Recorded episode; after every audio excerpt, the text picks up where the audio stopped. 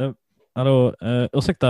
Uh, du den fula bonden där med skottkärra och uh, mössa på dig fastän det är mitt i sommaren. Uh, ja, du menar mig? Ja, ja, hej. Var, hej. Förlåt, ursäkta, hej herrn. Hej herrn. jo, det är så här. jag skulle behöva att du betalar lite skatt till mig faktiskt. Men jag, jag har redan betalat lite skatt till dig. Be betalar du existensskatten och mösskatten och fönsterskatten och jag har barn som heter Melkerskatten? Nej, nej, nej den, den alla mina mus. barn heter Melker. Ja, då får du betala åtta gånger så mycket skatt så kan du bara betala, betala mig. Tack. Vad, men vad ska, vad, ska inte du betala skatt? Hur ska jag då ha råd med min lyxbåt om jag ska betala skatt? Va? Vad ska du med lyx? Vad ska du med lyxbåt till? De finns inte ens än. Vad ska du med en lyxbåt till? Eh, jo, jag har, jag har byggt mitt stall på lyxbåten och nu behöver jag lite mer skatt så att jag kan fylla stallet med hästar. Annars är det bara konstigt. Men och... du varför, behöver, varför behöver du så många hästar? För det räcker väl med en?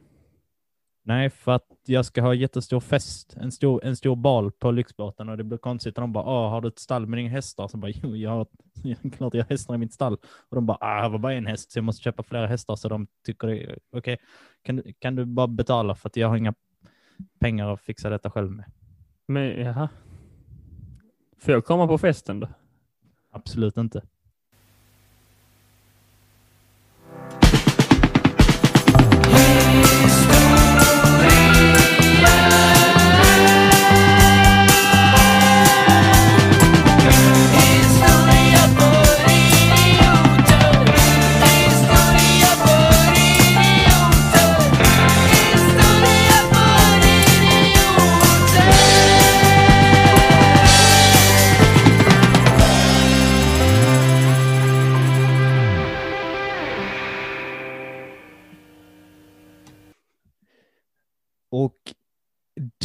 Där klingade det eleganta introt ut som meddelar vår kära publik att nu är Historia för idioter tillbaks med ännu ett avsnitt där vi ska lära ut lite mer om historia på ett ännu roligare sätt än vad vi brukar göra. Eller hur, Theodor Olsson? Jajamensan. Ypperst, ypper, ytterst spännande detta att få vara med ännu en gång i min egna podd. Det är ja. inte varje dag. Du är ett så välkommet tillskott varenda avsnitt. Vi, vilken lyx. vilken ynnest jag har. Ett tillsk nytt tillskott varje gång. Det blir det, för du har alltid, du har alltid en ny huvudbonad på dig när vi spelar Allt in. för att gömma den stora pannan. Ja, men den syns ändå. Aj. Aj, aj, aj. Hur mår du Alexander? Uh, jag mår väldigt uh, bra. Jag har precis skrivit klart en hemtenta och ett väldigt, väldigt långt och omständigt manus till eh, den här podcasten. Hur jag, mår du? Du jag har väl lite bra. ledigt nu? Ja, jag har en vecka mellan kurser. Eh, skrev en eh, liten sån, jag vet inte, alternativ till salstenta i fredags eftersom att vi inte får vara på plats. Eh, så om jag förmodar att jag inte får godkänt på, så det, ska, det är rätt skönt att nu bara ta lite ledigt lugnt innan jag behöver skriva om en tenta samtidigt som jag har en ny kurs. Um, ja, så är det. Yeah. Sånt är livet, hörni, om ni inte visste det. Som Lill-Babs så vackert uh, formulerade. Ja. Hon är vår största lyricism. Definitivt. Eh, har du upptäckt något annat roligt historiskt? Alltså, har du jag läst vet inte. jag, roligt historiskt? Nej, kanske inte historiskt, men jag, det hände, någonting, hände mig någonting som jag funderade på om jag skulle typ kontakta. Det var, kändes som det var nästan nyhetsvärdigt. Oj. Så det kunde bli historiskt, jag vet inte, men jag, jag ringde, jag, jag har tänkt jag måste, var länge sedan jag kollade upp mina sneda tänder eh, tänder då, som översättning. Eh, och så ringde jag då Folktandvården här i Kristianstad där jag bor, för att nyligen flyttat hit. Eh, Folktandvården Skåne. Så ringde jag då så svarade en kvinna som bara Hej välkommen till Folktandvården. Kristianstad. Jag bara, Hej, hej, jag heter Theodor Olsson. Jag skulle vilja, jag behöver, alltså, jag vill ha ett sån tandförsäkring. Jag har inte gått på en undersökning sedan jag fyllde 23. Eh, så jag hade behövt en tid. Så säger hon, nej, Eh, vi har inga tider alls. Vi, vi tar inte emot nya patienter. Direkt så rätt otrevligt, så jag bara, aha. Och jag fattar ju inte. Bara utförsöka privat. Jaha. och sen säger hon, eh, för de har flera olika här i kommunen, så säger de, nej vi tar inte emot i Näsby eller i Bromölla heller. Du får söka privat. Sa hon två gånger och jag bara, jaha. Eh, ja, ja, ja, okej, tack för hjälpen. Och så, så bara hon på. Skitsnabbt. så jag bara, ja, jag får väl ringa till Kävlingen där jag bodde innan och kolla om jag typ fortfarande är skriven patient där. Jag vet inte hur det funkar. Eh, så jag gjorde det och berättade det. Hej, jag, alltså jag så sa det. Jag har flyttat runt lite här var i Skåne. Bara, bara kolla om jag fortfarande är patient där. För jag vill ha en sån försäkring liksom. Och jag, och, så, och jag ringde till dem i Kristianstad och de sa att det inte var några, alltså de tar inte emot nya patienter. Så blev hon helt så eh, förnärmad. Hon bara, va? Vad sa du? Tog de inte emot patienter? Oh, ett, oh, ett ögonblick här, jag, jag återkommer. Så, ja, så la hon på. Eller vi la på. Eh, och, och sen bara rätt vad det så ringer hon upp igen bara, ja nu ska min eh, chef eller någonting kontakta dem, så ska får de inte göra, får de absolut inte göra. Eh, ja, de, de kommer ringa upp dig snart med en tid, så är det bara. Och så la vi på. Så jag har startat någon intern konflikt med Folktandvården Skåne. Så då har de ringt till Kristianstad och skällt på dem. Sen fick jag ett, S- så fick jag ett sms. Du är välkommen klockan åtta.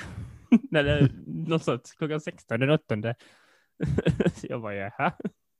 Du vet om att de kommer köra med de så riktigt rostiga redskapen i munnen på dig nu. Ja, Min sambo sa när du kommer dit så får du på upp frågorna varför de gjorde så. Jag bara, tänker jag inte göra. Jag är ett jävla under, underläge, de ligger där. Så bara, hallå? Varför fick jag alltid komma först? Vad sa du? Varför fick jag inte komma först? Uh, ja, ja. Ja, så blir de trötta på mig. Oj, vi måste nog borra här, säger de. Så bara, nej. Så har man bara så här dovt i bakgrunden. Och de med motorsågen ska Mm. borra i. Jag hatar ju, alltså jag hatar ju inte personen tandläkaren. Jag hatar tandläkare, liksom hela alltet. Jag tycker det är så obe obekvämt. Bara det här klassiska skämtet att därför ska de, alltså det är inte farligt men jag tänker inte vara här inne. Jag hade en, jag hade senast jag var hos tandläkaren så var det en som torkade av varenda sak hon rörde det var innan covid liksom. Så vi var riktigt så, prata som en robot. Nu tänker jag gå ut ur rummet för vi ska göra röntgen. Så går hon ut ur rummet. Så kommer hon in, nu är röntgen färdig och så börjar hon torka av, alltså de släcker alltid. Så börjar hon torka av den jävla lysknappen för att där har hon ju pillat. Så stod hon där och torkade av. Gapa stort. Så hon det till strömbrytaren också. ja, jävla konstigt. Gapa stort. Det måste ju... Ja, jag vet inte. Jag fattar att man vill ändå hjälpa folk och sånt, men det måste ändå finnas någonting igen som... Alltså jag förstår inte att man vill arbeta med att pilla folk i munnen. Uh, jag förstår inte riktigt heller varför man skulle välja det. Där finns ju uh, andra yrken som man tänker det här skulle jag hellre vilja vara istället för tandläkare. Och vad hade du valt då Teo för yrke? Hellre än tandläkare? Historielärare.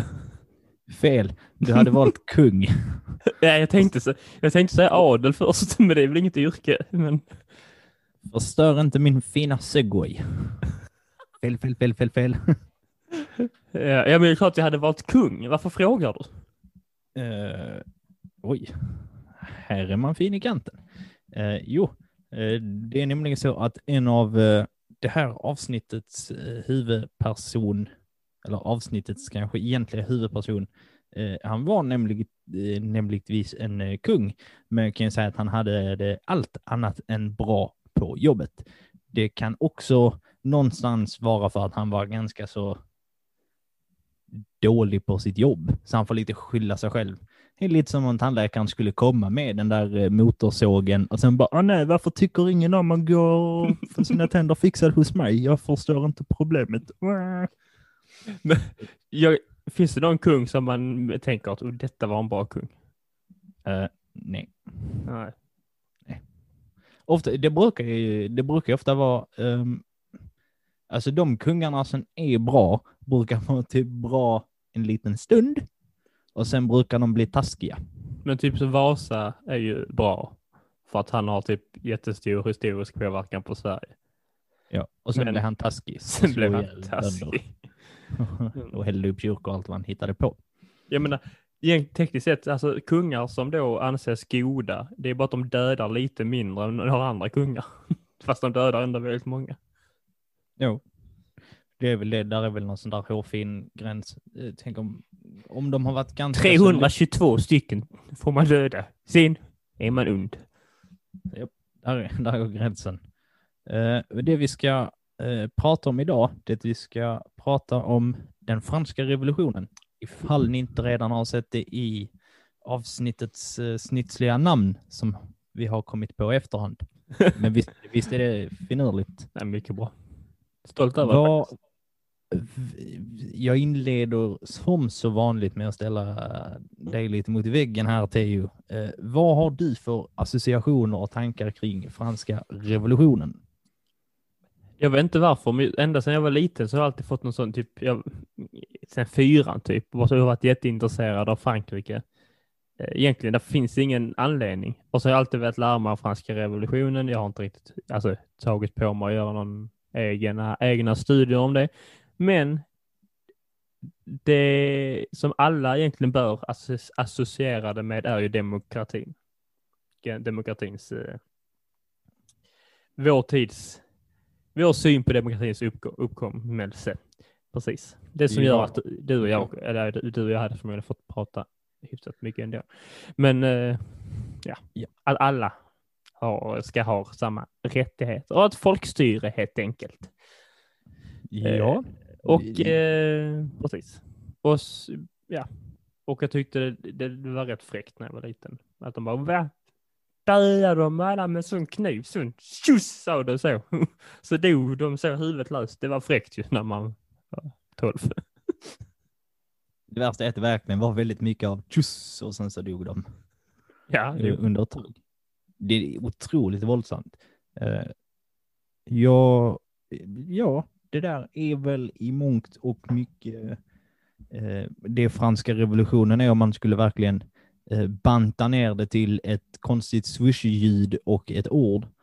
Eh, Men de tre slagorden som man brukar eh, oh, jag vet. ehm, liberté, fraternité och en sak till. Men det är ju frihet, broderskap och jämlikhet. Det stämmer bra. Jag vet inte vad, liberté är frihet, fraternité någonting är broderskap. Och ge- gemenskap, jag tror inte de har något fan stort för det. jag kommer inte på vad det är. Nej, sa du gemen ja, gemenskap? Nej, inte gemenskap. Nej. Broderskap. Ja, men fraternité är broderskap, eh, fraternité är någonting. Men det är skitsamma, säg dem, så vi får det överstökat. Så vi får det korrekt. Du har det på papper. Frihet, jäml Jämlikhet, precis. Ja, frihet, jämlikhet och broderskap. precis. Så Precis. är det. Det är de. Eh, och det här ut, franska revolutionen utspelar sig mellan 1789 och 1799. Däremot kan jag eh, redan nu tragiskt nog avslöja att vi kommer inte vi, vi kommer avsluta franska revolutionen lite innan de själva avslutar den. För att där är eh, den är ganska så straight forward i ganska mycket vad som, eh, vad som händer. Men sen eh, efter en viss händelse så börjar saker slå lite knut på sig själv och det händer väldigt mycket annat samtidigt som egentligen in, det hör ju ihop med franska revolutionen men inte egentligen. För att efter en viss händelse, jag, jag vill inte avslöja den redan nu, lite så här spoiler på saker som hände för flera hundra år sedan. Eh, men eh, det, Napole, Napoleon kommer ju in i bilden Mhm. efter vissa omständigheter och det Mm. får lite andra konsekvenser som sen leder vidare till annat. Och jag tänker att han, eh, den lilla exempelfyllda grabben kan ju vara förtjänt av eh, lite mer utrymme i ett eh, annat avsnitt. Ja, känns ju rimligt. Han har, Men jag vet inte vad du eh, tycker. Ja, jag skulle bara säga att det är rimligt han får ett eget avsnitt kanske. Han har ju påverkat rätt mycket i eh, Europas och världens historia. Så att Det. säga. Så att säga. Men jag tycker att vi har babblat tillräckligt eh, länge nu om eh, annat frams och trams och tandläkare så att vi hoppar rätt in i slutet på 1780-talet. Där landar vi i slutet på 1780-talet.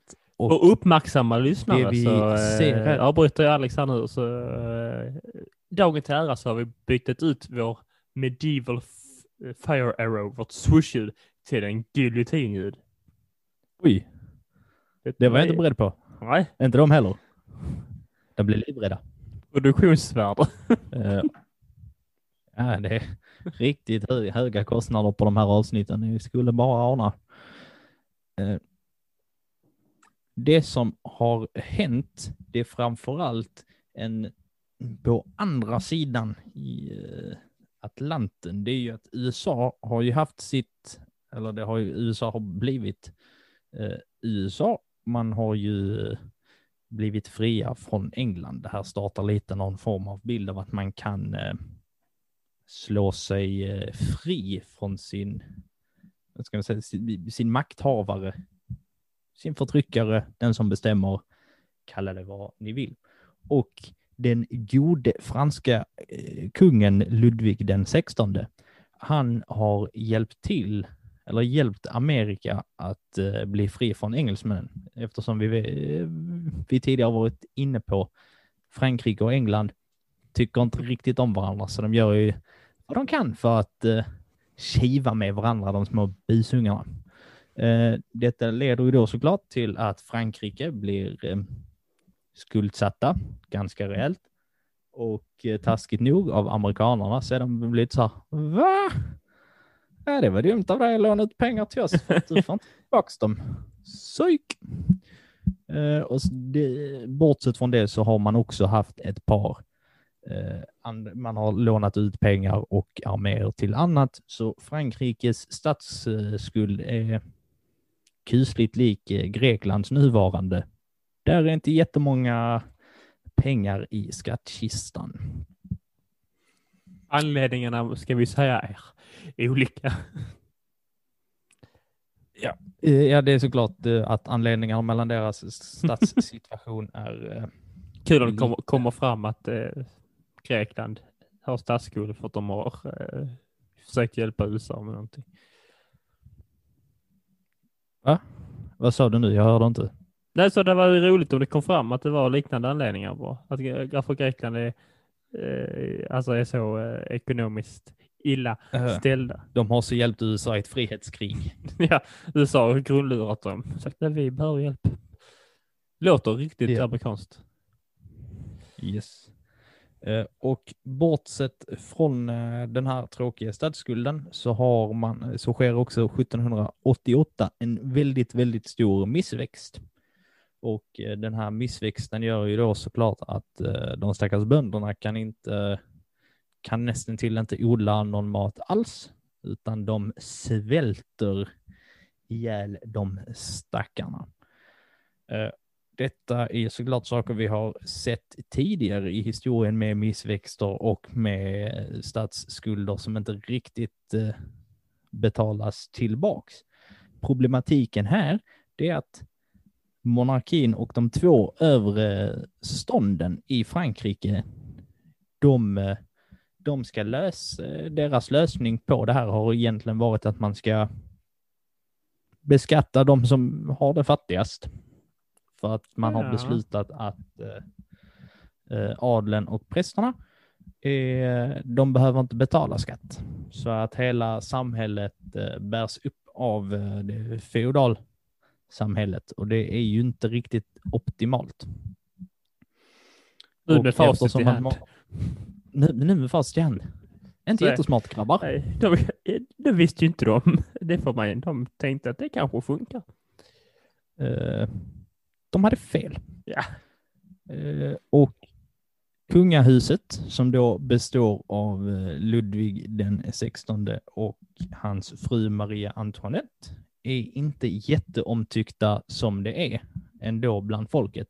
De blir ganska så ofta hånade i eh, dagstidningar och, och annat av det vanliga folket. Så man kan ju säga att de är inte är jätteomtyckta. Och speciellt inte eftersom att Maria Antoinette, hon tycker om att sätta sprätt på pengarna. Där finns även, jag, jag tror, jag är ganska övertygad om att det är sant, men jag har lite svårt att tro på det, för det är så himla, himla banalt. Mm. Men att hon, hon ska bland annat ha haft liksom en håruppsättning eh, som såg ut som ett far, fartyg. Vadå? Alltså, Det, ja, som en luftballong? För då är det bara runt. Eller vad är det nej, för, alltså, ett far, alltså en båt. för? ja. Ja, ja, Det. Det är galet. Eh, Ja, jo. Så att- fan.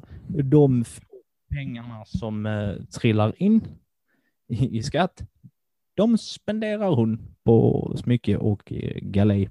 Ska ju också påpekas att hon, det är ju inte så att hon är ensam skyldig för att samhället ser ut så där. Och där är väldigt, väldigt många i Va? de högre skikten som då eh, är ganska duktiga på att sätta sprätt på pengarna. Man lever lite lattjo.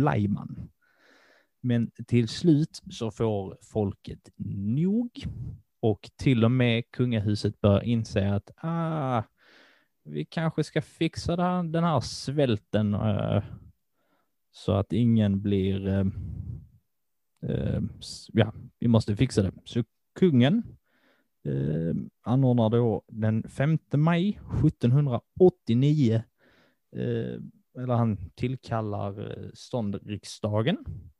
Och eh, ja, det fungerar egentligen lite som vår nuvarande riksdag, att man då samlar en grupp med eh, representanter och sen så ska man då eh, gemensamt rösta och komma fram till en lösning. Och när han tillkallar denna 1789 så var det ungefär 150 år sedan förra gången man tillkallade en sån. Så det är ju inte Oj. någonting som sker. Eh, Får jag gissa det? Alltså, eh, tillkallar han inte, alltså när han tillkallar så tillkallar han an- adelsmän och präster som och ska rösta om eh, så hur ska vi göra för att eh, det ska bli mindre svält? Så kommer vi, vi, vi måste nu ha lite mindre roligt och alla bara nej. Vi vill ha mer roligt. Eh, det är ju inte, det är inte helt långt ifrån sanningen.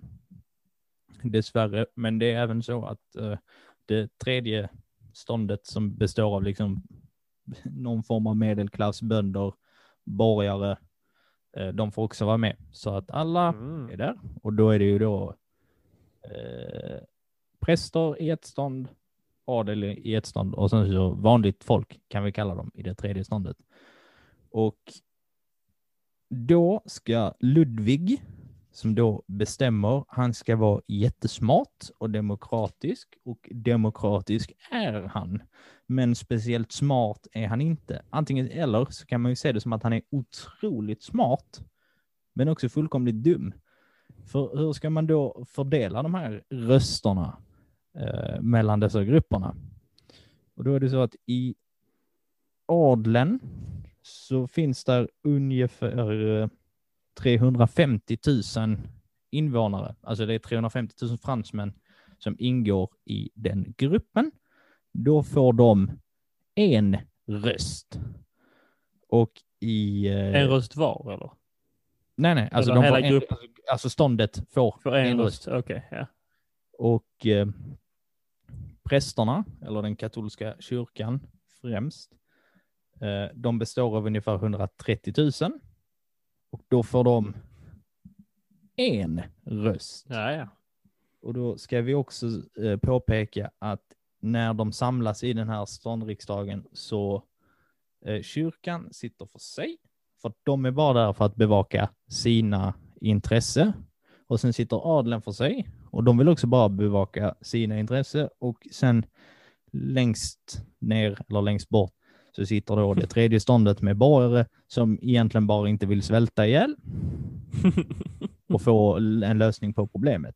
Och de är då 27 miljoner. Åh Totalt. jävlar.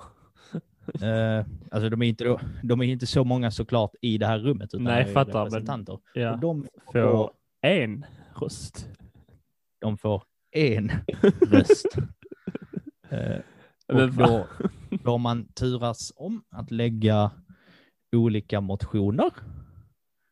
Och då säger någon att vi tycker att det tredje ståndet ska betala all skatt. För de är med fler, antar jag. Det måste ju vara Ja. argumentet.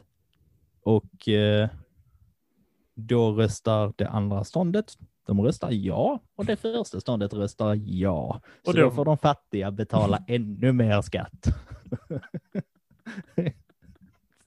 det, är, Åh det, är så, det är så himla... Ah. Eh, det är ju... Alltså det är ju... Det är hemskt att skratta åt det för att det är verkligen så här, det är Men det är så jävla oproportionerligt banalt. Ja, men det är så jävla... Det är så lite roligt. Ja men det, Så, det så utstuderat elakt. ja, men verkligen. Nu låter det som att alla får lika mycket att säga, men vi, vi här, vi, vi samarbetar. Det är så liksom, ja, så jävla dumt. Jag tycker, jag tycker att det är lite... Eh, jag tycker att det är ganska så festligt i sig. Alltså, men inte, alltså för att det är så himla oproportionerligt eh, elakt. Och de här... Eh, Men tror, alltså, det känns ju orimligt att, eh, förlåt jag avbryter dig, men det känns orimligt att, eh, att kungen då ska gå in med tanken att, eh, ja men vi låtsas bara att vi ska försöka göra det bättre. För att med den här metoden så blir det väl ganska uppenbart för alla att det kommer inte, det kommer bli som någon av de, de här två eh, högerstående positionerna säger liksom. För de kommer ju, röst, de kommer ju rösta Ja. för båda, de kommer ju lägga ut motion som båda de gynnas på så röstar någon på det. Så enkelt är det ju. Ja. Det var det alltså ett spel för gallerian bara av Ludvig och hans gäng. Hans entourage. eller jag hoppas eh, innerligt att det bara är så att Ludvig inte har tänkt igenom det här röstningssystemet. Där finns två möjligheter. Antingen så har han tänkt igenom det och är, bara, och är liksom bara väldigt, väldigt ondskefull.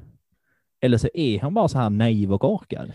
Ja, det, eftersom att det är ju mycket... Båda två tycker jag är eh, väldigt roliga. Det är inte så som i dagen att han, att han har ju han är inte någon, eh, han har ju ingen kunskaps eh, så att säga. Han är ju inte ditvald på grund av hans kunskaper liksom. Han är ju ingen, vad fan heter det? Nej, nej. Precis, men han är ju, eh, han är ju dit, han är ju bara född till det, så han kan ju vara hur dum i huvudet som helst. Mm. Han bara, men ett och ett och ett, det är ju alla får rätt så blir det bra så. Och så kanske det, det kunde ju varit hans Ja. tankegång liksom. Fast rent krasst så får man säga, han, har han fel i sin tanke på att om alla får var sin röst så är det, då är det ju rättvist fördelat. Men det är Mm. I, ju te- inte I teorin fördelat. så är det så, det är till exempel, ja, ja precis, Eh, det är ju, det är ju demokratiskt i teorin. Eh, Till exempel vi hade, Mm. om man ska till exempel, eh, om vi säger i dagens Sverige, om man ska säga, men vi, demokratin, eller politiker finns för att representera folkviljan och partier finns för att representera det, folkviljan i landet. Då tänker man, varför har vi inte bara folkomröstningar? Eh, Men det skulle vara så sjukt oeffektivt och det skulle inte lösa någonting. Då behöver man ju rösta varenda jävla dag om någonting liksom.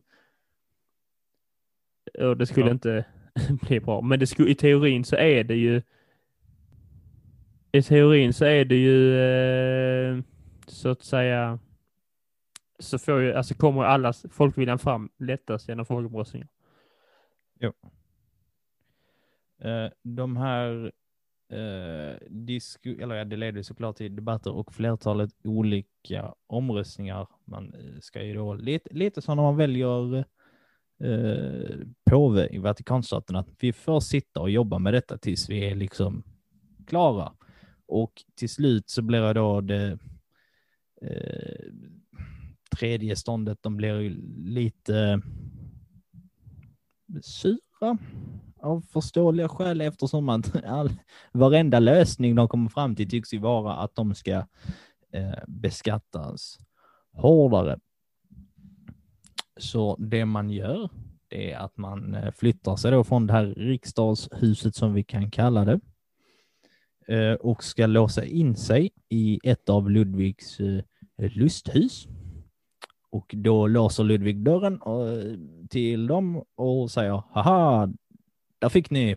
Och de bara, fast vi kan ta ett annat ställe istället som också är ditt och låsa in oss där. Och då tar de Jaha, de, tennishall. De, de skulle åka dit som på som, äh, dem, att demonstrera liksom att nu, kolla nu, tog vi över ditt lilla hus här. Mm. Okej. Okay. Ja, lite så. Så att eh, de, eh, de låser in sig där i hans bollhus och startar nationalförsamlingen. Eller som det är, det som de kallar sig. Jag, men, jag skrattar, men jag tycker det är kul att tänka sig att han ett, hade ett bollhus. Ja, en tennishall. jo, men det är en annan fall. Jag tänker liksom ett bollhus, vet, gympasalar är alltid ett litet rum där är massa bollar. Det stärker bara det, liksom teorin om att han bara är lite för nonchalant och inte riktigt vet vad han gör. kan vi välja nu så jag kan gå och leka i bollhuset? Jag har en fin trampett som jag vill hoppa på och kasta bollar på min fru. För att jag kan. Tror han kastar bollar på henne mycket faktiskt. um, Nationalgardet. Uh, nationalförsamlingen som då det tredje ståndet tar initiativ till och skapar uh, även på franska känt som Assemblée Nationale Constituante. Helt klart rätt uttal. Oj, vad dåligt uttal. Det var riktigt dåligt uttal.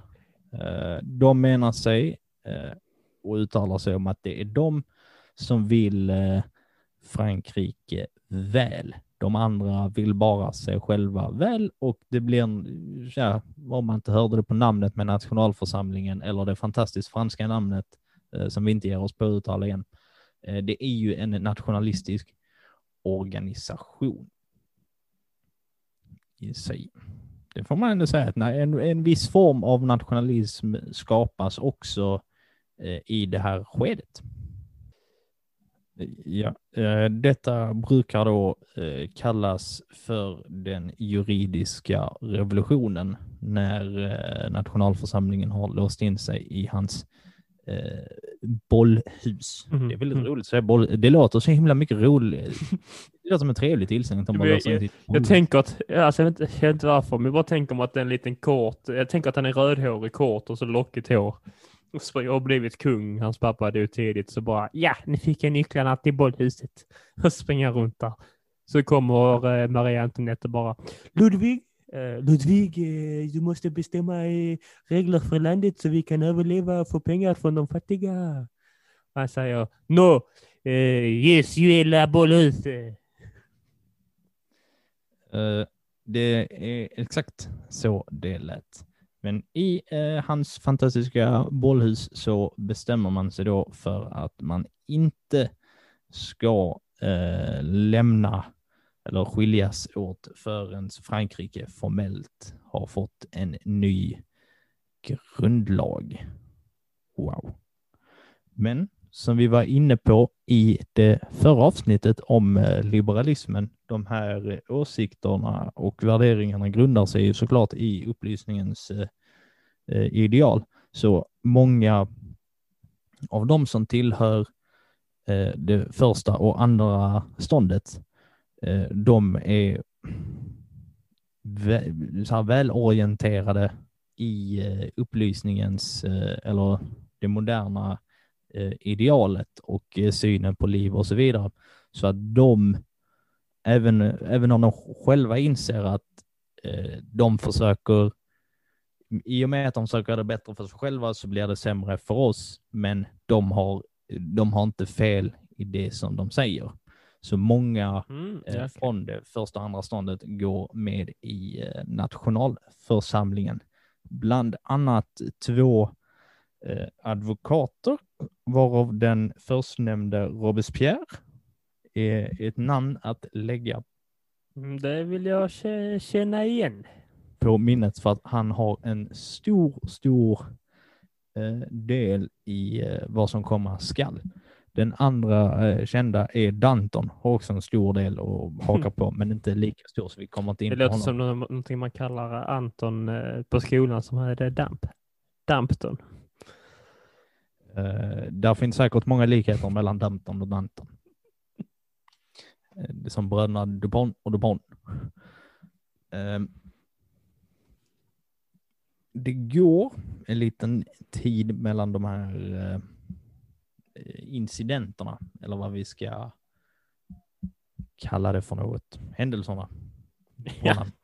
Eh, Men du, ja. det blir allt oroligare i Paris.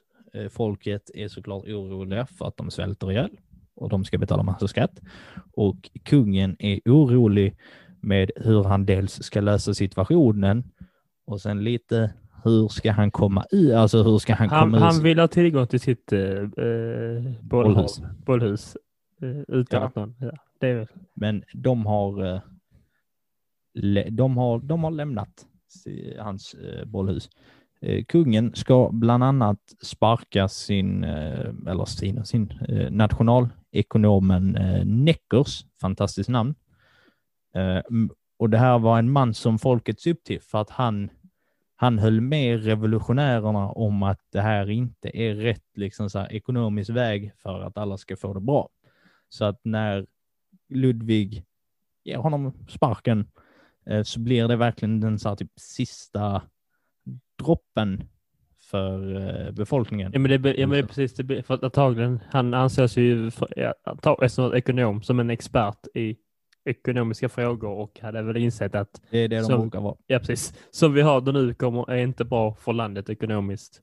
Eh, det borde bli en förändring. Och så säger, och när kungen får höra det från experterna säger ja, men nej, då fattar ju väl befolkningen att ja, ja, han är kass, han är hopplös. Lite så, tänker jag. Och, eh, och att han inte vill eh, honom väl. Men lite, nej, okej, kan man göra, kan man, kan man göra en eh, liknelse till exempel om vi säger att, eh, eh, vad heter han nu, Anders Tegnell skulle gå ut och säga att eh, men det bästa för landet är om vi, eh, eh, vi säger bara, vi, vi, det bästa för att allting stänger ner, liksom allt, men så vi gillar inte eh, regeringen det, att han säger det. Och så säger de bara, ja men du får inte vara det han nu är som jag tycker, tänker säga längre. Det är ju egentligen, då skulle ju allt förtroende för re regeringen som finns kvar liksom vara så, ah, fuck er. Var inte det en rimlig liknelse till dåtiden? Du ser Mm. väldigt frågande ut. Vad heter det? Eh. Statsepidemiolog. Tack, just det. Eh, nej, nej, det, det låter fullt eh, rimligt. Jag var bara tvungen att fokusera. Jag vet inte om, jag antar att eh, när ni lyssnar på avsnittet så hör ni Teo nog bättre än vad jag hör Teo, för att det verkar vara lite strul med uppkopplingen, så att jag hör eh, bara Teo lite så till och från.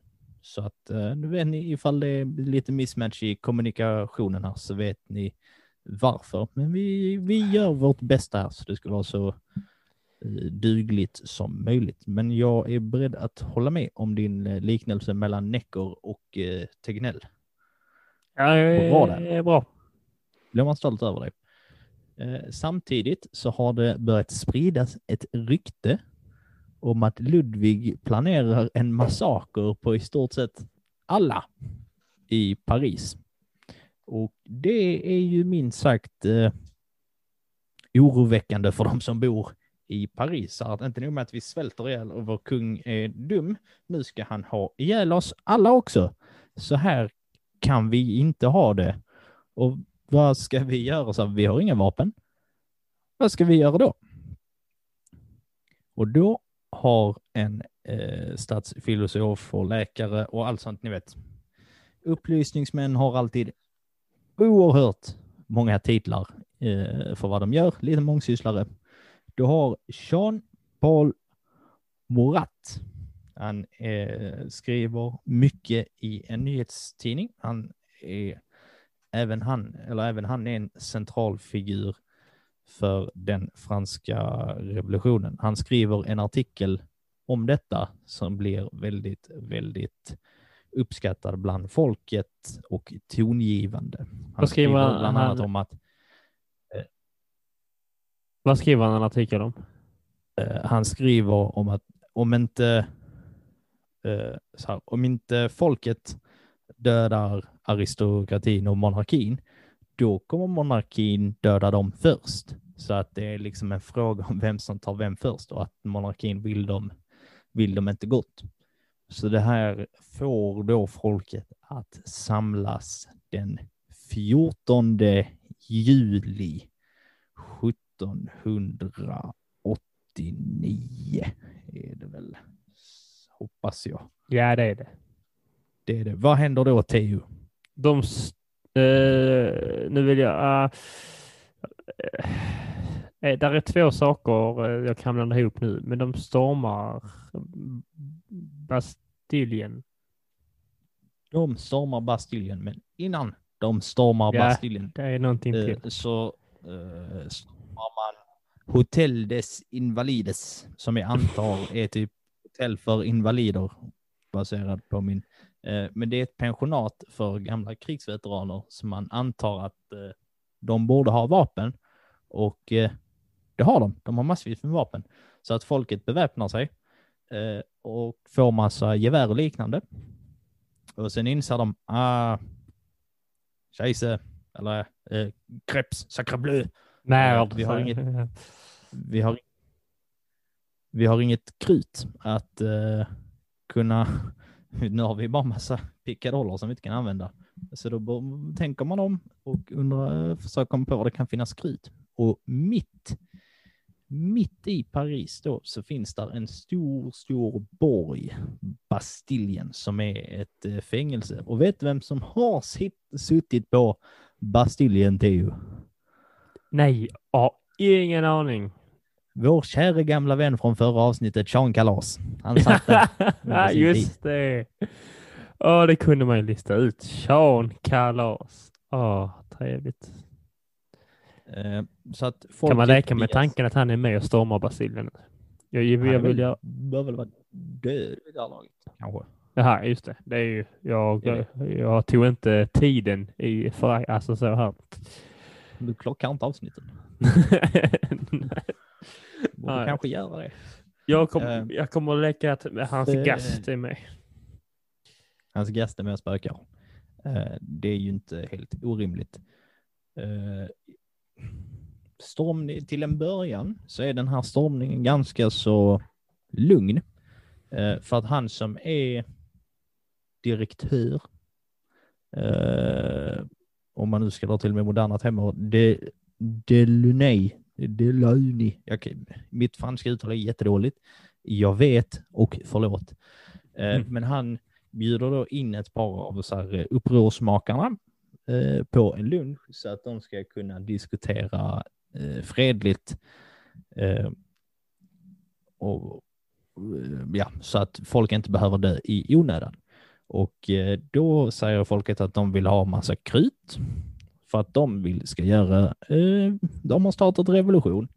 Och då säger han nej, det får ni inte. Och då blev folk lite så här, ah, kan vi få lite så här politiska fångar då? Och då sa han, nej, nej det får ni inte. Eh, så de kommer ingen vart. Och folket som väntar där utanför tappar till slut tålamodet. Eh, så att medans folk är där, ehm, eller så medan medans revolutionärerna är där så är ju också eh, försvaret där, så de står ju liksom utanför. Och sen till slut är det väl någon som tappar huvudet. Och sen är det full frontal, googla inte, eh, slagsmål och eh, kamp. Utanför. Tänk, Och, eh, tänk eh, att de som stormar Kapitolium ändå kände att så, nu gör vi revolution. så bara Nej. Helt annat resultat va? Jesus Christ. Ja, helt. Ja, det tar vi om 40-50 år i podden när det räknas mer som historia. Sitter vi I kvar här då tror du och pratar Eh, om historia om 40-50 år? Alltså, våra barn. Japp. Våra barn har då tagit över och står för idioter. det har de. Pappa I- berättade för mig att i Amerika så sprang de in där med ren eh, sådana björnfittor på huvudet och skrek Jag ska in här. Det gjorde de. Eh, och eh, till slut så halshugger man då den här eh, guvernören. Eller, eh, guv- ja, han är guvernör egentligen, vad som så fel innan. Han guvernör Delöny. Eh, och sen sätter man hans huvud på en påle och traskar runt i stan. Oh, det. Eh, väldigt, väldigt vanligt under den här revolutionen att när man har dödat folk så sätter man huvud på pålar och traskar runt. Eh, inte jättetrevligt för omvärlden kanske. ah, det är inte fräscht.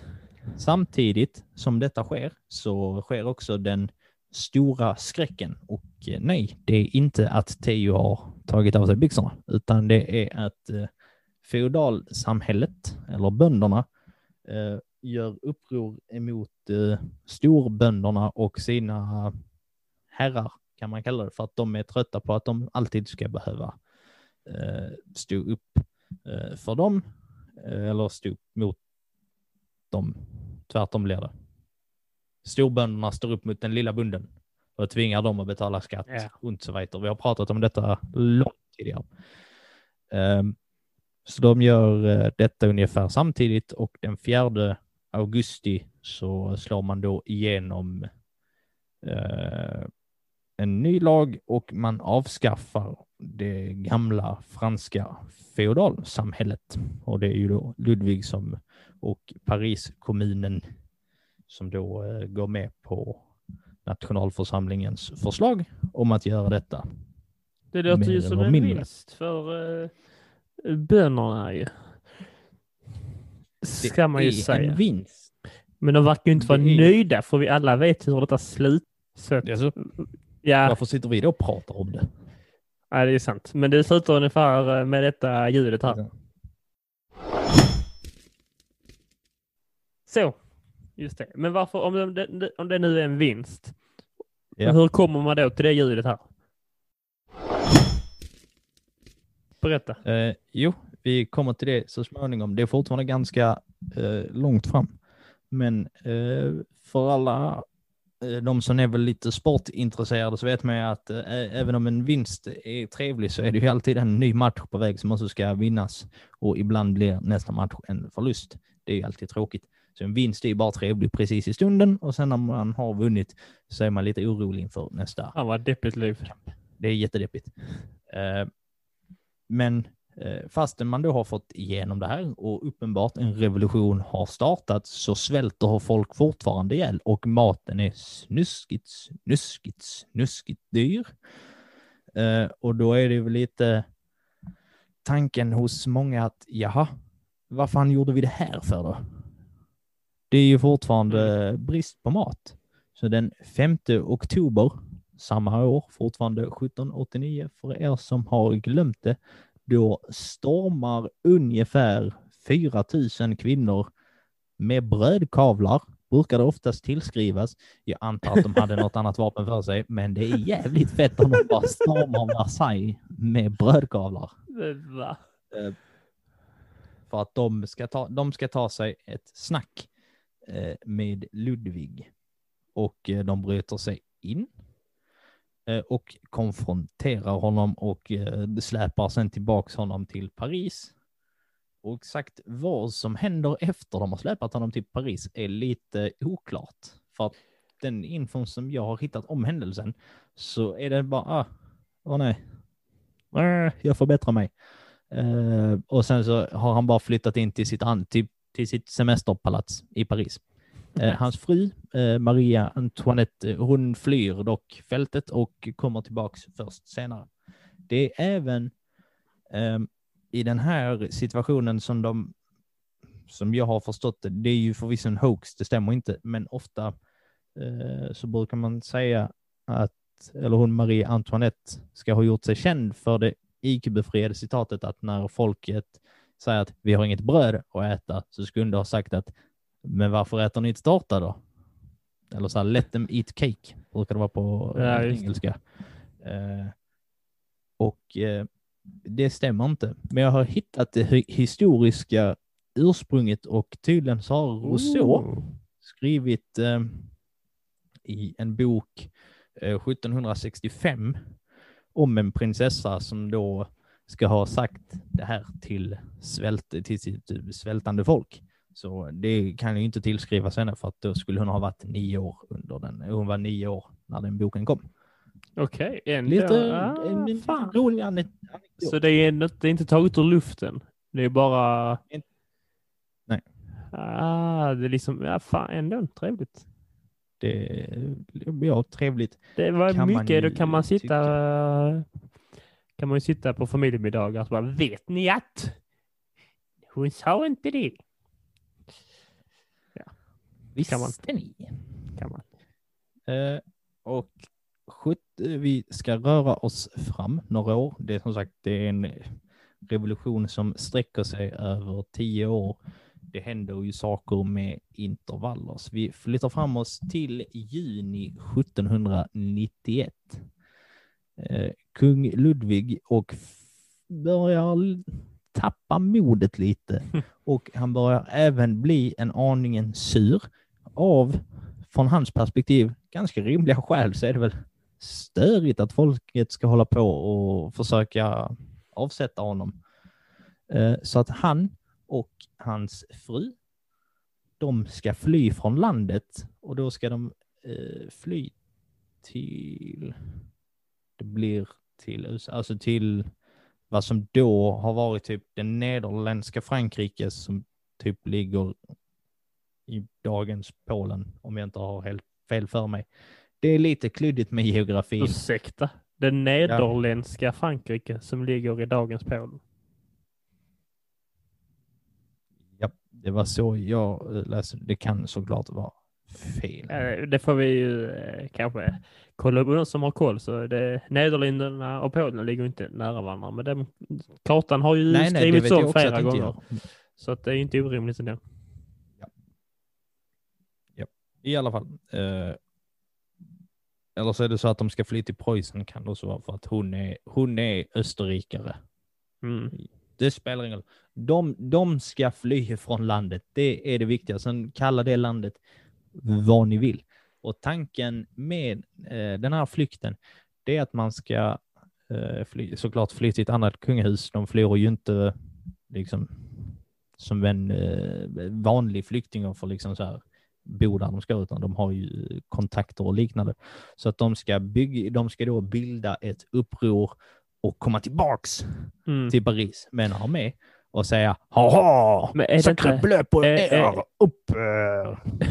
är det här eh, de blev, stopp, eh, blev de stoppade på vägen ifrån eller på vägen tillbaka? På vägen ifrån. Eh, För det, det har jag, eh, det, jag gjorde så jävla dumt som att skriva mitt eh, gymnasiearbete om Illuminati för att eh, jag var 18 och tyckte det var coolt kanske. Eh, skitdumt att göra en vetenskaplig undersökning av någonting som inte riktigt finns. Men eh, det har funnits Illuminati, en, liksom en grupp av eh, eh, liksom människor som anser sig vara liksom lite klokare än andra så bildades eh, 1776. Och den första liksom, teorin som har liksom kommit om dem, det är att de låg bakom det här stoppandet av eh, deras då eh, flykt. Eh, så det är, liksom, det är, det är liksom en av grunderna till att folk tror att Illuminati har så stor påverkan på eh, vår lilla värld. Att det, det börjar redan där, franska revolutionen. Liksom att det är de som har, ligger bakom en underjordisk liksom, grupp adelsmän som bara nu, eller vad de nu är, var för något, eh, som ligger bakom den lilla stöten.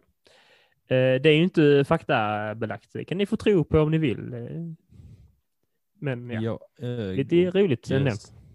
Och så kan ni gå med i Teos foliehattsklubb. Ja, jag eh, sa inte att jag, jag trodde på det. Det var bara Eh. en liten rolig anekdot. Det jag kan säga så här, det är Det förmodligen inte sant, men eh, det kan vara sant. Förmodligen inte. Det kan vara sant.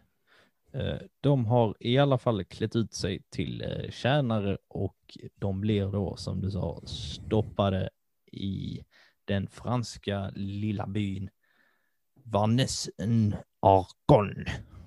Ja, perfekt franskt uttal. Vi ska ni ha lite lektion sen du och jag på detta. Eh, Okej då. Eh, och det är faktiskt så att vid tullövergångar och liknande så brukar det ofta sitta videokameror så att vi har lyckats få tag på Ja, ett- eh, eller ja, vi har fått in det här i ett ljudmedium så att vi kan inte få ta, vi kan inte dela med er av eh, själva videofilen. Vill ni ha video på detta så måste ni bli ljudfilen av. Vi har ingen Patreon. Än. Här kommer ljudfilen. marknads- Här kommer här kommer filen.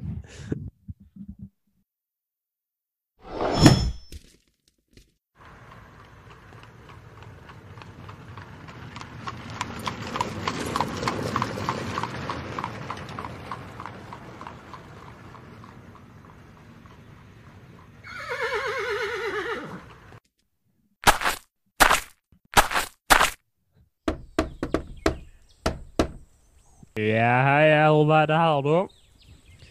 Eh, är bra? Hur är det själv? Jo tack, jo tack, jo tack. Sista passet för veckan va? Hur, uh, var är ni på väg? Skit, skit i det. Vart vi ska. Du ska inte med. Nej, just, nej, visserligen, visserligen. Jag ska inte tränga mig på. Ja, ja. Hur var namnet? Ja, eh, vad är ditt namn? Ja, ja. Mitt namn Tullare Tullsson. Tullman här. Nej, Jag heter också Tullare Tullsson. Det är riktigt sjukt. Det är Vilket sammanträffande. nej, nej. Jaha. Okej, och hon bredvid då? Vem är det? Jo, jag kan prata för mig själv.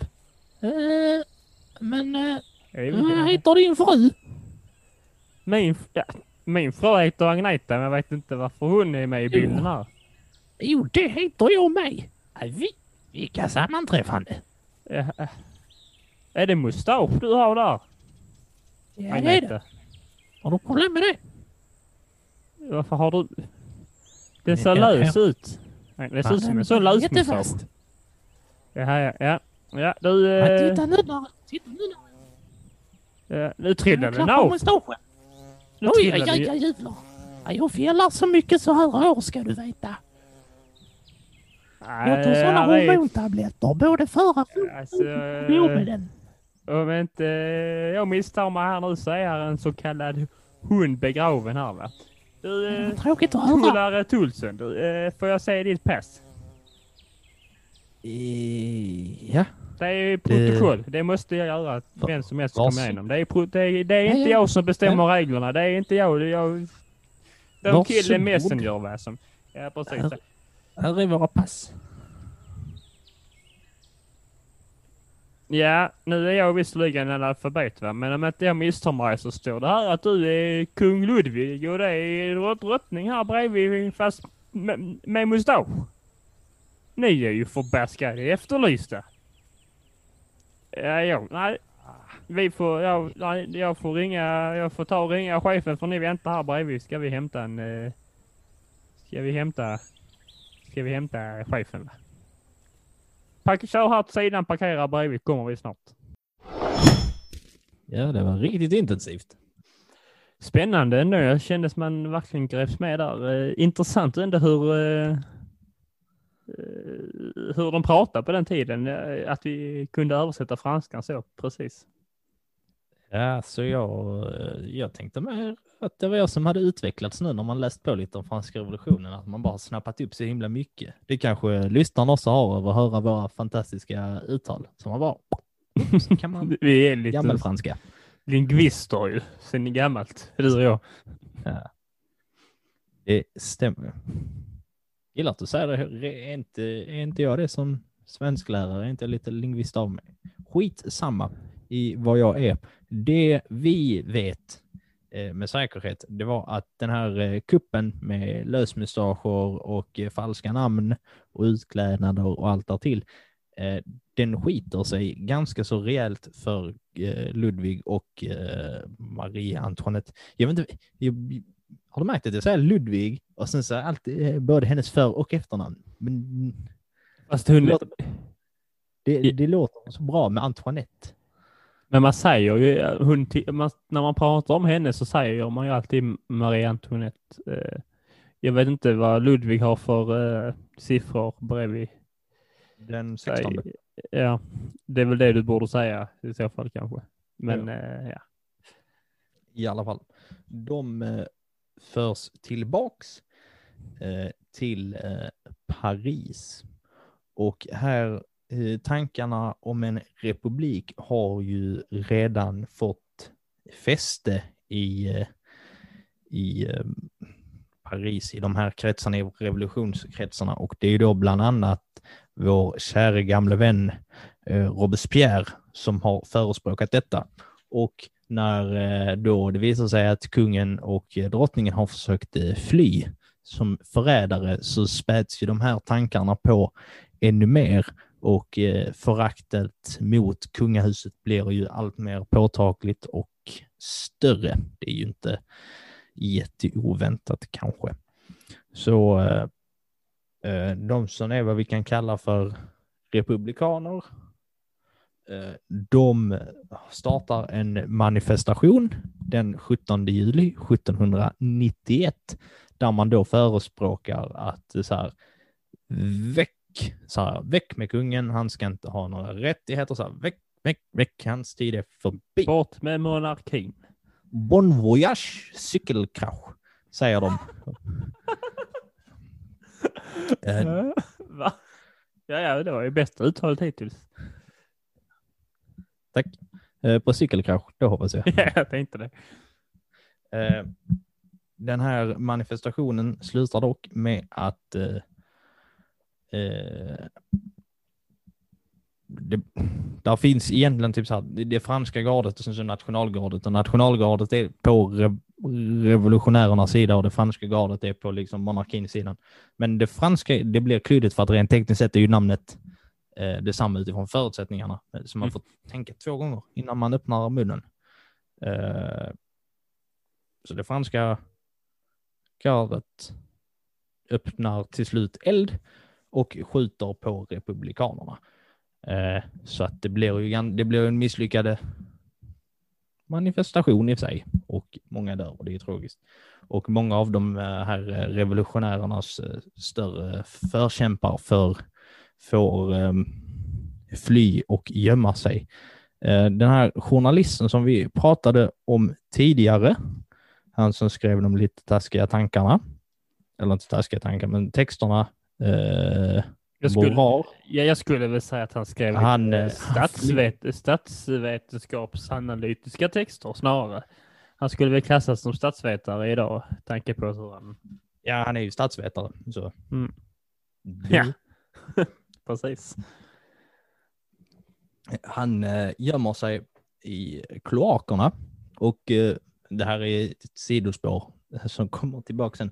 Men han gömmer sig i kloakerna och utvecklar en brutal hudsjukdom som gör att han typ får leva resten av sitt liv i sitt badkar. F- Förlåt? Jag ville bara ha det sagt. Ja. Jaha. Han får bo resten av... Vadå, i de alltså, eh, katakomberna eller? Nej, kloakerna. Ja, ja. Ja, det kan ju vara till... Eh, I alla fall, han får vara där i sitt lilla badkar och eh, skriva klart. Eh, och under samma höst, då hösten 1791, så antar nationalförsamlingen Frankrikes konstitution, vilket leder att så småningom leder det då fram till att kungen får en, eh, får mindre makt i samhället. Så nu börjar ju revolutionen och dess mål börjar eh, ta sig mot mållinjen i stort sett. Men det är mycket kvar som ska hända. Eh, det har dock börjat skapa, oj då, förlåt, jag trillade in i bordet där nästan. Det är sånt som händer när man dricker kaffe och pratar om franska revolutionen. Ja, man blir ju lite Eh, knäsvag av konstitutionen. spännande händelserna här. Ja, eh, konstitutionen och eller regeringen, kalla det vad man vill, har fått tre stycken eh, olika parti som då ska vara med och eh, bestämma. Och det är girondisterna och eh, Jakobinklubben och Les Enreges Enriques. De är arga. Alltså. De är rasande. Jaha, ja. Men vänta, nu, jag, tror, Ja, jag hänger nog- inte, men eh, så eh, nation, det national, nationalgardet, alltså de före detta bönderna helt enkelt, eh, kan man väl kortfattat som, har pushat på så att eh, olika så pushat på så de, eh, så de fra, franska liksom grundlagen har skrivits om, an, antar jag, som gjort då att eh, kungen förlorar makt. Det som har hänt. Och så har de försökt eh, med detta då och revolutionens uppgång så har det bildats olika partier, som du sa va? Ja. För att då konkurrera om Ja.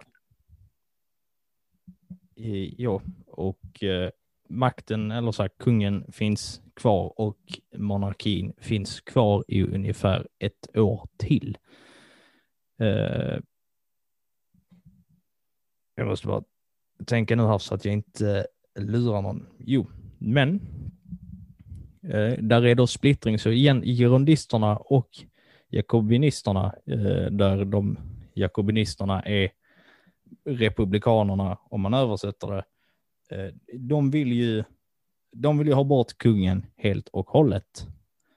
Medans girondisterna är lite mer så här, eh, han kan väl vara kvar, men vi kanske ska ändra lite andra grejer. Eh, De ska ju ha, de har ju en, in, de har ju en kamp eh, mot varandra, så att i stort sett revolutionen har ju ändrat lite innebörd från det den började som. Det har ju lite liksom, det är svårt att förklara lite vad som händer här.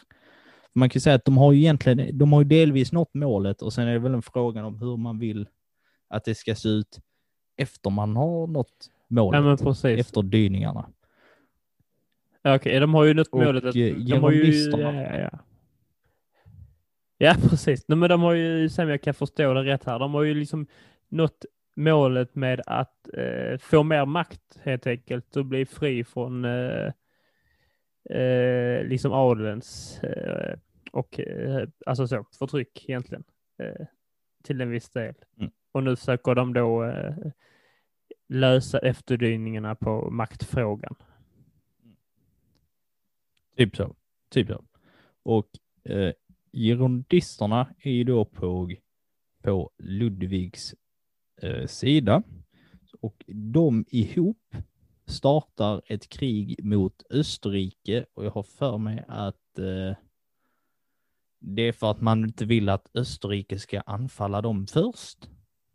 Mm. Eftersom att så här, Frankrike är ganska svagt på den här tiden eftersom Mm. eh, de här skulderna och att man har haft revolution i ett par år. Och då är de rädda att ett annat land ska attackera dem. Så då attackerar de först.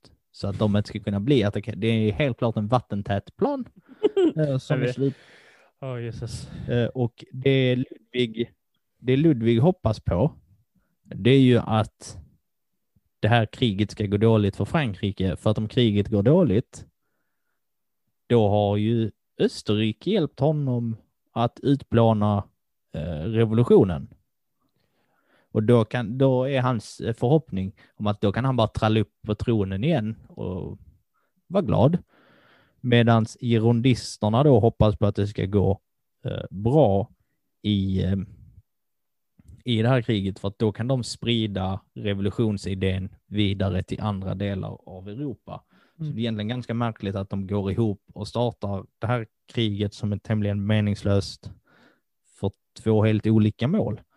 Och sen så då den tredje parten i det här blir ju eh, Jak eh, Jakobinklubben, som det heter, eh, där vår kära gamla vän Robespierre har en ganska så stor makt, som då inte tycker att det är någon större mening med det här kriget, vilket han förvisso har rätt i och han debatterar mycket i eh, regeringen, riksdagen, kalla det vad du vill.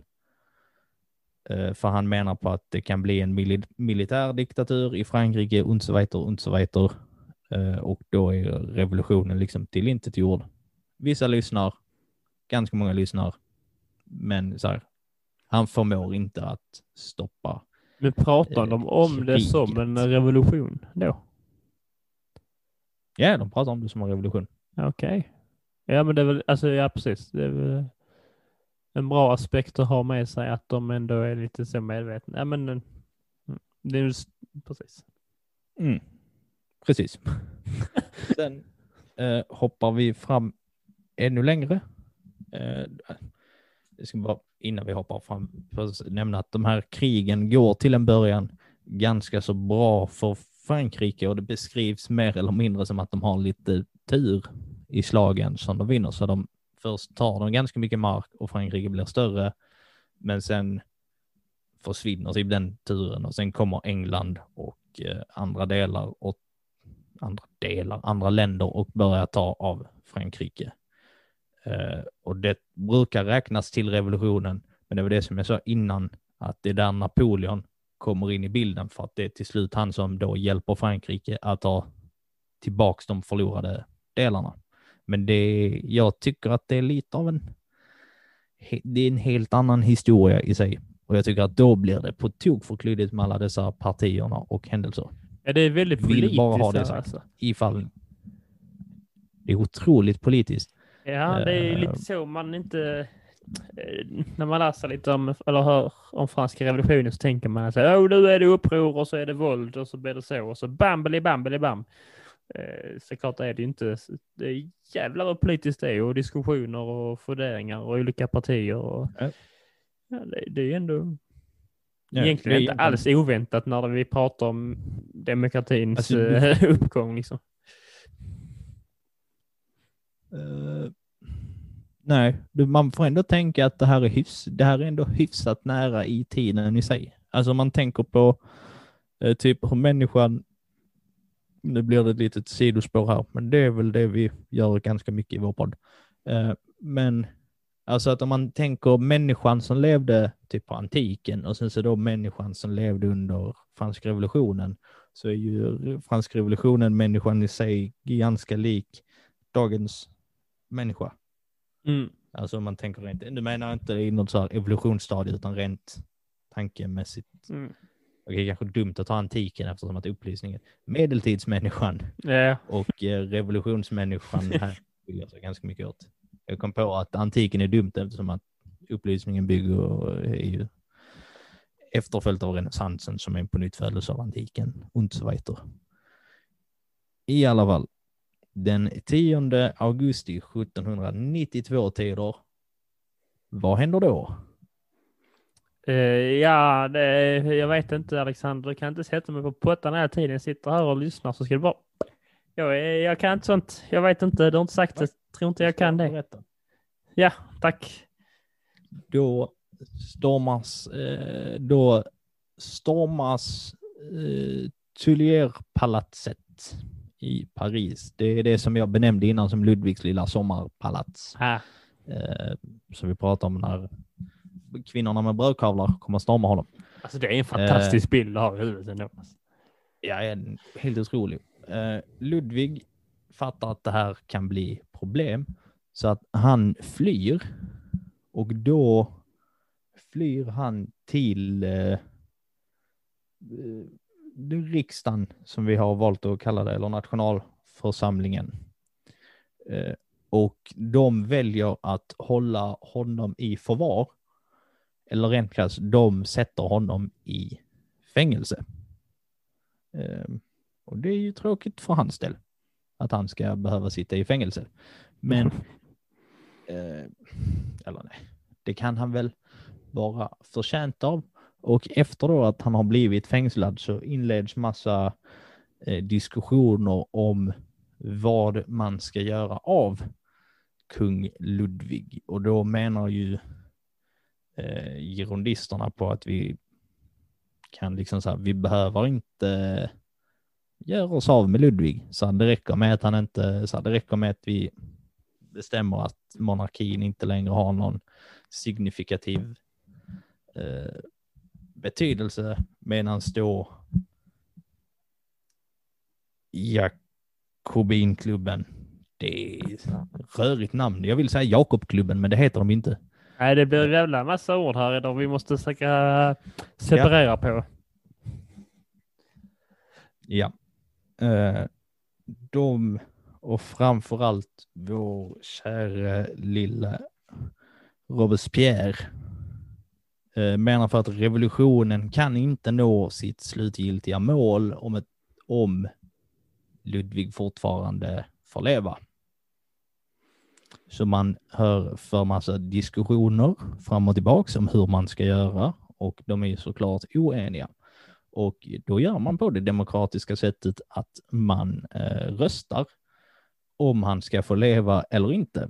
Och det här är egentligen sinnessjukt, men det är en röst som avgör det hela. Oj, Så det är 360 mot 361 eh, ifall oh. han ska leva eller inte. Shit, eh, det är, kommer tillbaka också lite för när man liksom tänker, man får upp bilden av franska revolutionen, att, då, att de stormar, eh, typ så att de drar, drar ut honom och Marie Antoinette liksom och, till giljotinen och bara så hugger av.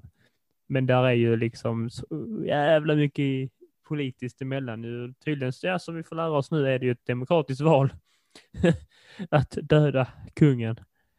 De hade ju precis lika, lika väl som de diskuterar mm. bara kunnat säga att var du kung men du får inte göra någonting. Typ. Eh, mm.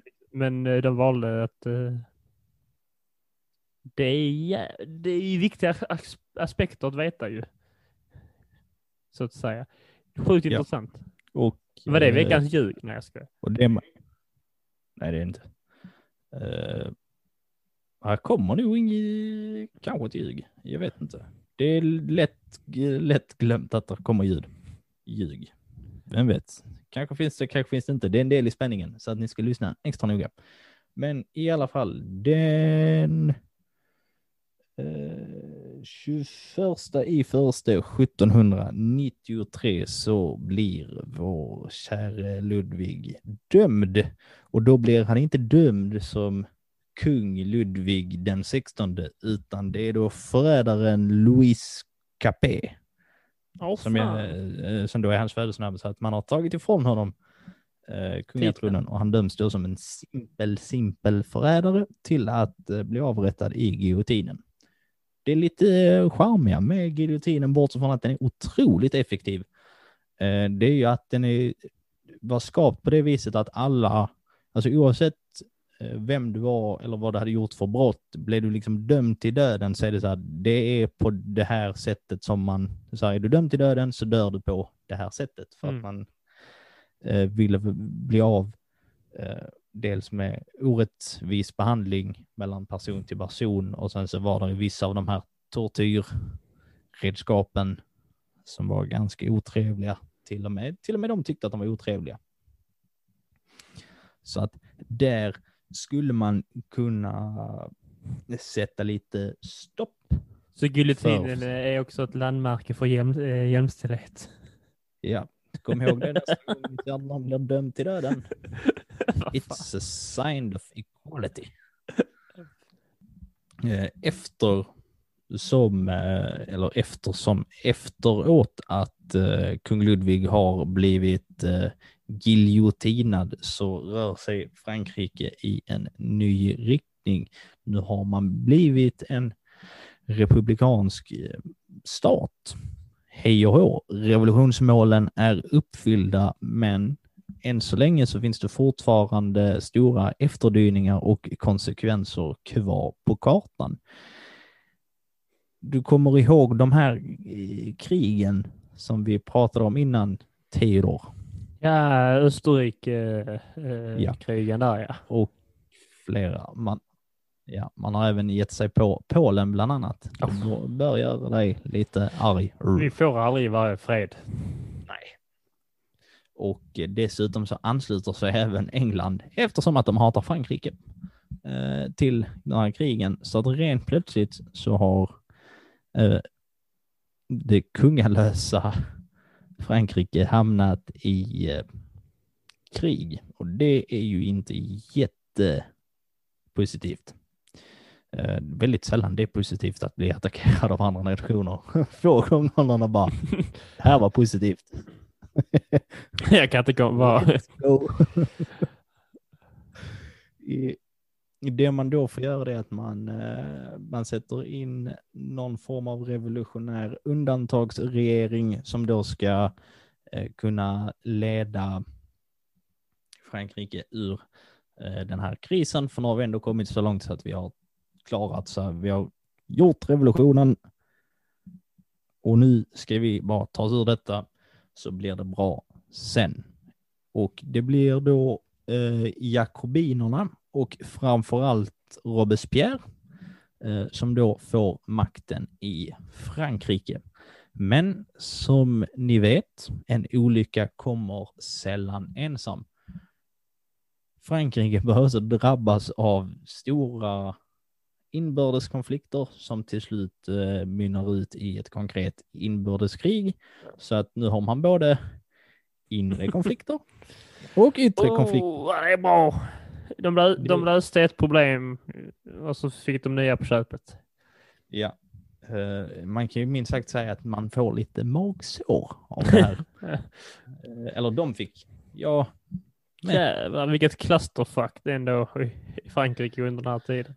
Ja. Eh, Det man då gör det är att man inför allmän värnplikt den 23 augusti 1793. Man bygger upp stora arméer, men de här stora arméerna förlorade dessvärre många slag. Jöjk. Eh, det här blir ju såklart inte lyckat och samtidigt som du förlorar de yttre slagen så är det ju fortfarande inbördeskriget. Så det man då gör det är att man ska ta hårdare tag mot upproren i landet och eh, det här eh, ljudet som vi har spelat innan Teo, lite här och var, det som låter så här. Det gör jag bara för att du ska få klippa lite extra. Eh, Ja, det är den ju ska se. den ska komma till eh, väldigt, väldigt stor användning. För man bör oroa sig för de här kontrarevolutionisterna. Eh, det är det som inbördeskriget i mångt och mycket handlar om, att alla i Frankrike är inte riktigt helt eh, på samma våglängd som revolutionisterna. Så där finns konflikter om hur, eh, så här, skulle vi verkligen bli en monarki? Vi tyckte ändå om kungen här borta. Ah. Väldigt, väldigt förenklat. Så det Robespierre gör, han får nog nästan stå som huvudansvarig för det här, det är att alla människor som är lite misstänksamma mot revolutionen eller som kan antas vara kontrarevolutionärer, in i giljotinen med er. Ja, eh, klar. ja, det är ju effektivt. Eh, att- Det är ju effektivt sätt att eh, få folk på sin sida alltså. Ja, så under det här skräckåret som det brukar eh, kallas, eller skräckväldet, så avrättar man, där finns såklart ingen konkret siffra, men man har uppskattat mellan 1660 och 4000 människor avrättas. Så, den. Det hade fått vår gamla goda vän Christian Turann och Gustav Trolle att häpna. Så, Ja, jösses, ja. vilken framfart. Eh, Ja, det är någonting, till exempel nu fick de ju någon ny form av ledare, men han var så ett rövhål. Uppenbarligen. Jag vet inte vad det är. Och det är främst människor från det tredje ståndet som döms och blir avrättade. Vilket Surprise. är lite, ja, det är lite ironiskt faktiskt. Men eh, till slut, till slut så bör de yttre eh, hoten försvinna. Vi låter det vara så. Vi går inte närmare in på det. De försvinner och då försvinner också anledningen till, alltså så här, motiveringen till den här eh, undantagsregeringen. Och eh, ja, det slutar med att Robespierre, då ska han gå till samma eh, öde som de andra, så han ska också avrättas i giljotin. Varför det? För att han för inte är användbar längre. Ja, för att han har avrättat så många, den taskmörten. Ja, ja. Så, ja, fan. Så, ja, ja. Så att så... Är han veckans rövhål? Uh, uh, nej. Jag, jag tänkte att vi, om ni inte har märkt det, för att nu har avsnittet hållit på länge, så tänkte jag att det blir lite uppenbart här vem som är rövhål och vem som blir hjälte, så att folket blir lite... Ja, Veckans det är, det, det är sant. Det är väl lite eh, själva grejen med detta. Att stöta rövhålen så att säga. Så att det där var väl en eh, överblick av den franska revolutionen. Det var ju Men- mycket mer politiskt än vad jag förväntade mig. Eh, Mycket intressant faktiskt. Jag ska dock... Där är en viktig säck som man måste återgå till. Mest för att jag tycker att det här är lite roligt. Nej, det är inte roligt. Det är ganska tråkigt. Uh, för vissa. Eh, Va? han, Jean-Paul uh, Morat, som vi, vi har pratat om innan, eh, lite grann. Han Vem som var gör han? och Ja, eh, ja. Ja, texter. han som lever i bakhavet nu. Han eh, ansågs av många vara skuld till det brutala blodbadet som franska revolutionen faktiskt blev. Det är ju otroligt många människor som får sätta livet till. Och det, det går till och med så pass långt att i, jag vet inte om det är The Times, tidningen i England, men det är någon tidning i England som börjar skriva liksom så här, eh, artiklar om det verkligen är humant. Alltså så här, är det här verkligen, är det värt så många eh, människoliv och, och så vidare. Så att folk börjar någonstans protestera mot fred.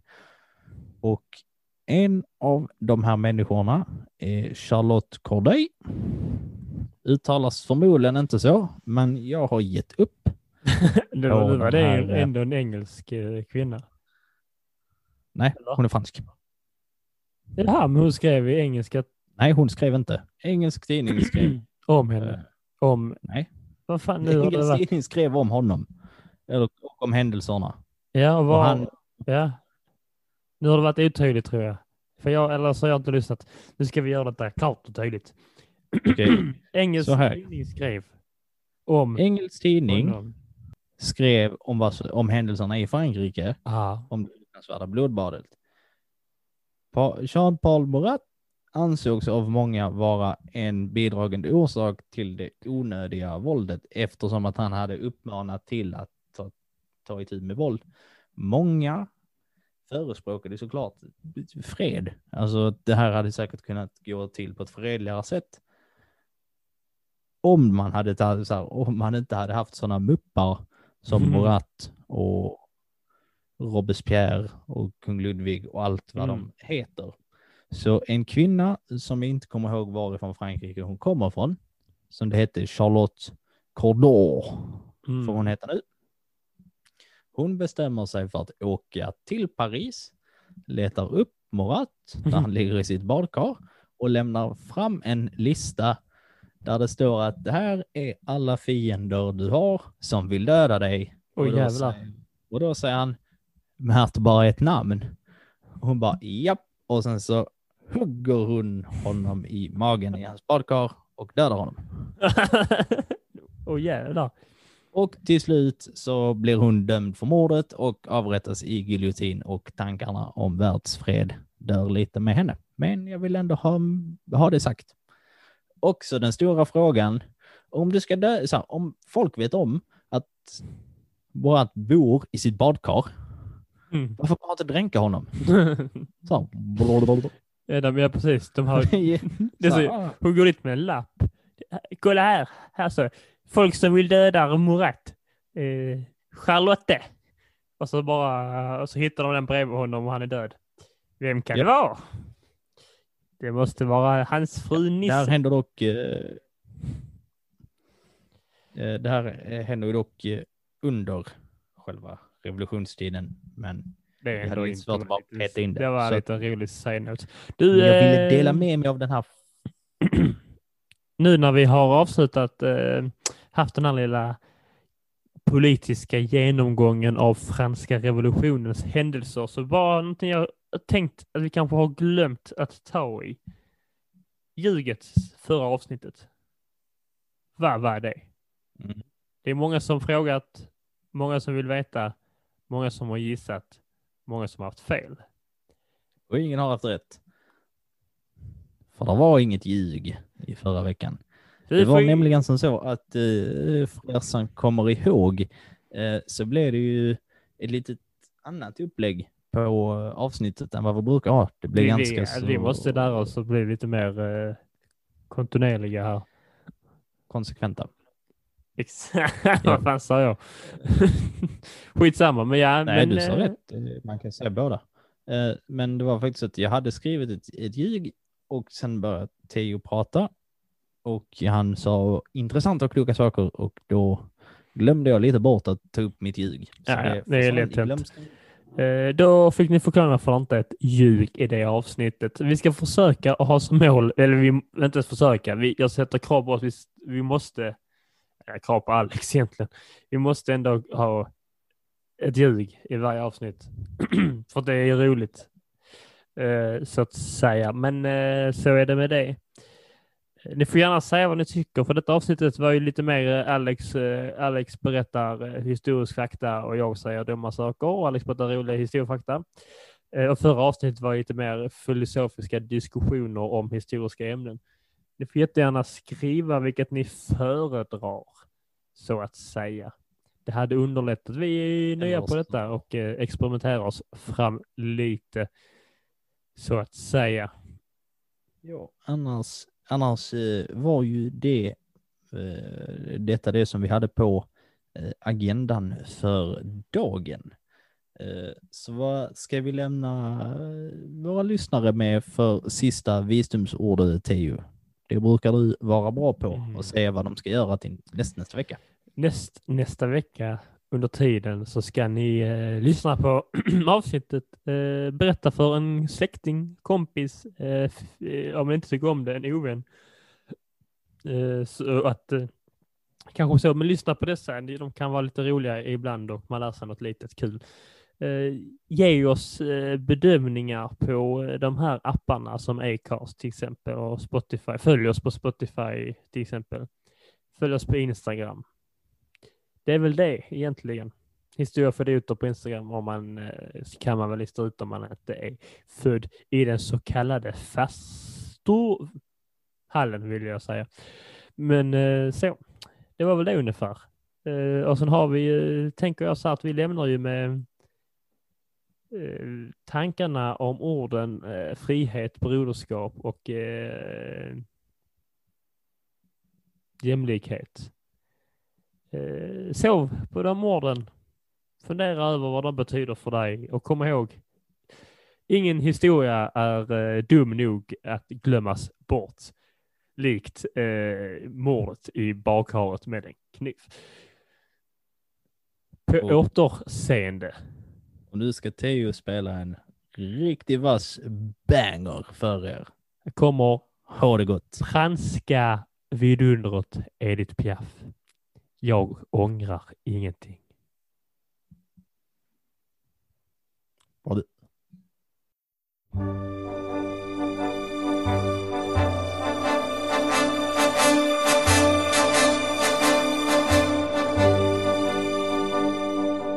Non,